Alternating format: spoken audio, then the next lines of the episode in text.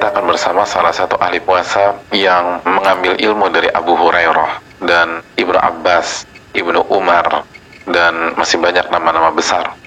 Beliau tinggal di Irak, dijuluki Imam Syekhul Islam, dan banyak orang mengatakan beliaulah orang yang paling alim di Basrah pada zaman beliau. Siapa beliau? Muhammad bin Sirin. Muhammad bin Sirin itu menggabungkan antara ilmu dan sifat wara, sifat takut terjatuh ke dalam dosa.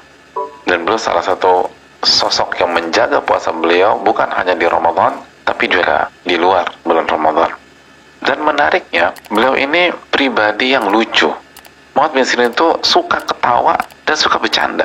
Kalau udah ketawa, itu sampai geser-geser tubuhnya, sampai miring-miring.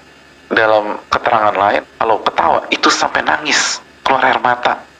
Para sahabat Nabi itu suka bercanda. Tapi kalau sudah serius, mereka serius, totalitas. Boleh bercanda, tapi proporsional.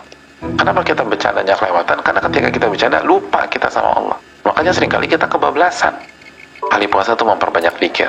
Sehingga, kalaupun bicara ilmiah, kalaupun bercanda proporsional, tidak melampaui batas. Kenapa? Selalu ingat Allah Subhanahu wa taala.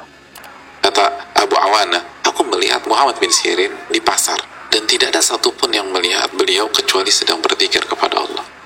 Dan Muhammad bin kalau ingat kematian, kayak anggota tubuhnya udah kaku udah. Jadi benar-benar menghayati. Makanya Muhammad bin Sirin menarik ya mas sekalian. Jadi beliau ahli puasa, beliau suka bercanda, tapi di waktu yang sama beliau sangat warok, sangat takut terhadap dosa. Dan ini penting, kalau kita ingin bercanda, ingat sama Allah Subhanahu wa taala biar terjaga. Dan menunjukkan bahwa puasa bukan hanya nggak makan, nggak minum, tapi jaga lisan,